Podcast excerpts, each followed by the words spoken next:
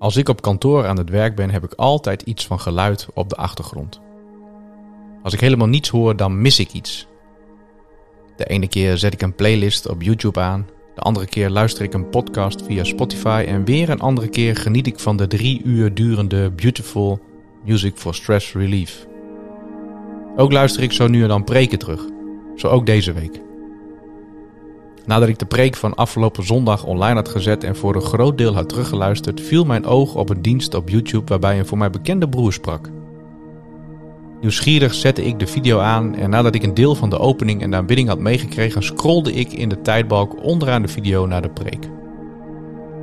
Na wat zoeken zag ik hem staan. Zijn haar wat korter dan toen ik hem voor het laatst had gezien, maar ik herkende hem meteen. Eerlijk en kwetsbaar deelde hij over zijn struggles die hij ervoer in de voorbereiding naar deze dienst. Ik stond direct aan.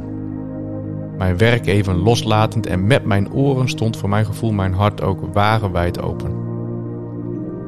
Nadat er een groep broers en zussen spontaan om hem heen kwamen staan om voor hem te bidden, begon hij zijn preek.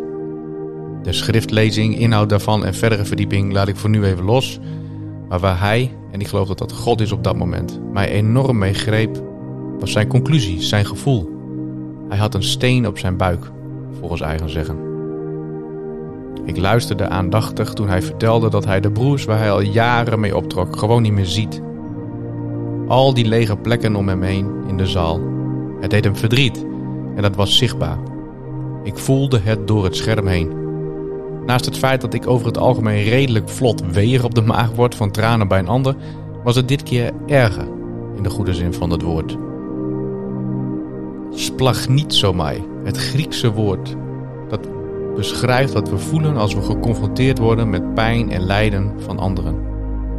Sinds jaar en dag komt dat woord zo nu en dan in mijn gedachten. Voor het eerst hoorde ik het in een preek van Henk Stoorvogel, dat moet al wel meer dan tien jaar geleden zijn geweest. Het liet me niet meer los. Deze spreker besloot zijn betoog door iedereen diezelfde steen op je maag toe te wensen. Sterker nog, hij bad er vuren voor.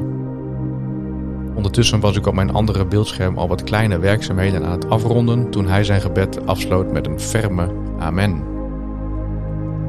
Na een paar flarden van herinneringen en gedachten aan de preek en mijn eigen leven ging ik over tot de orde van de dag.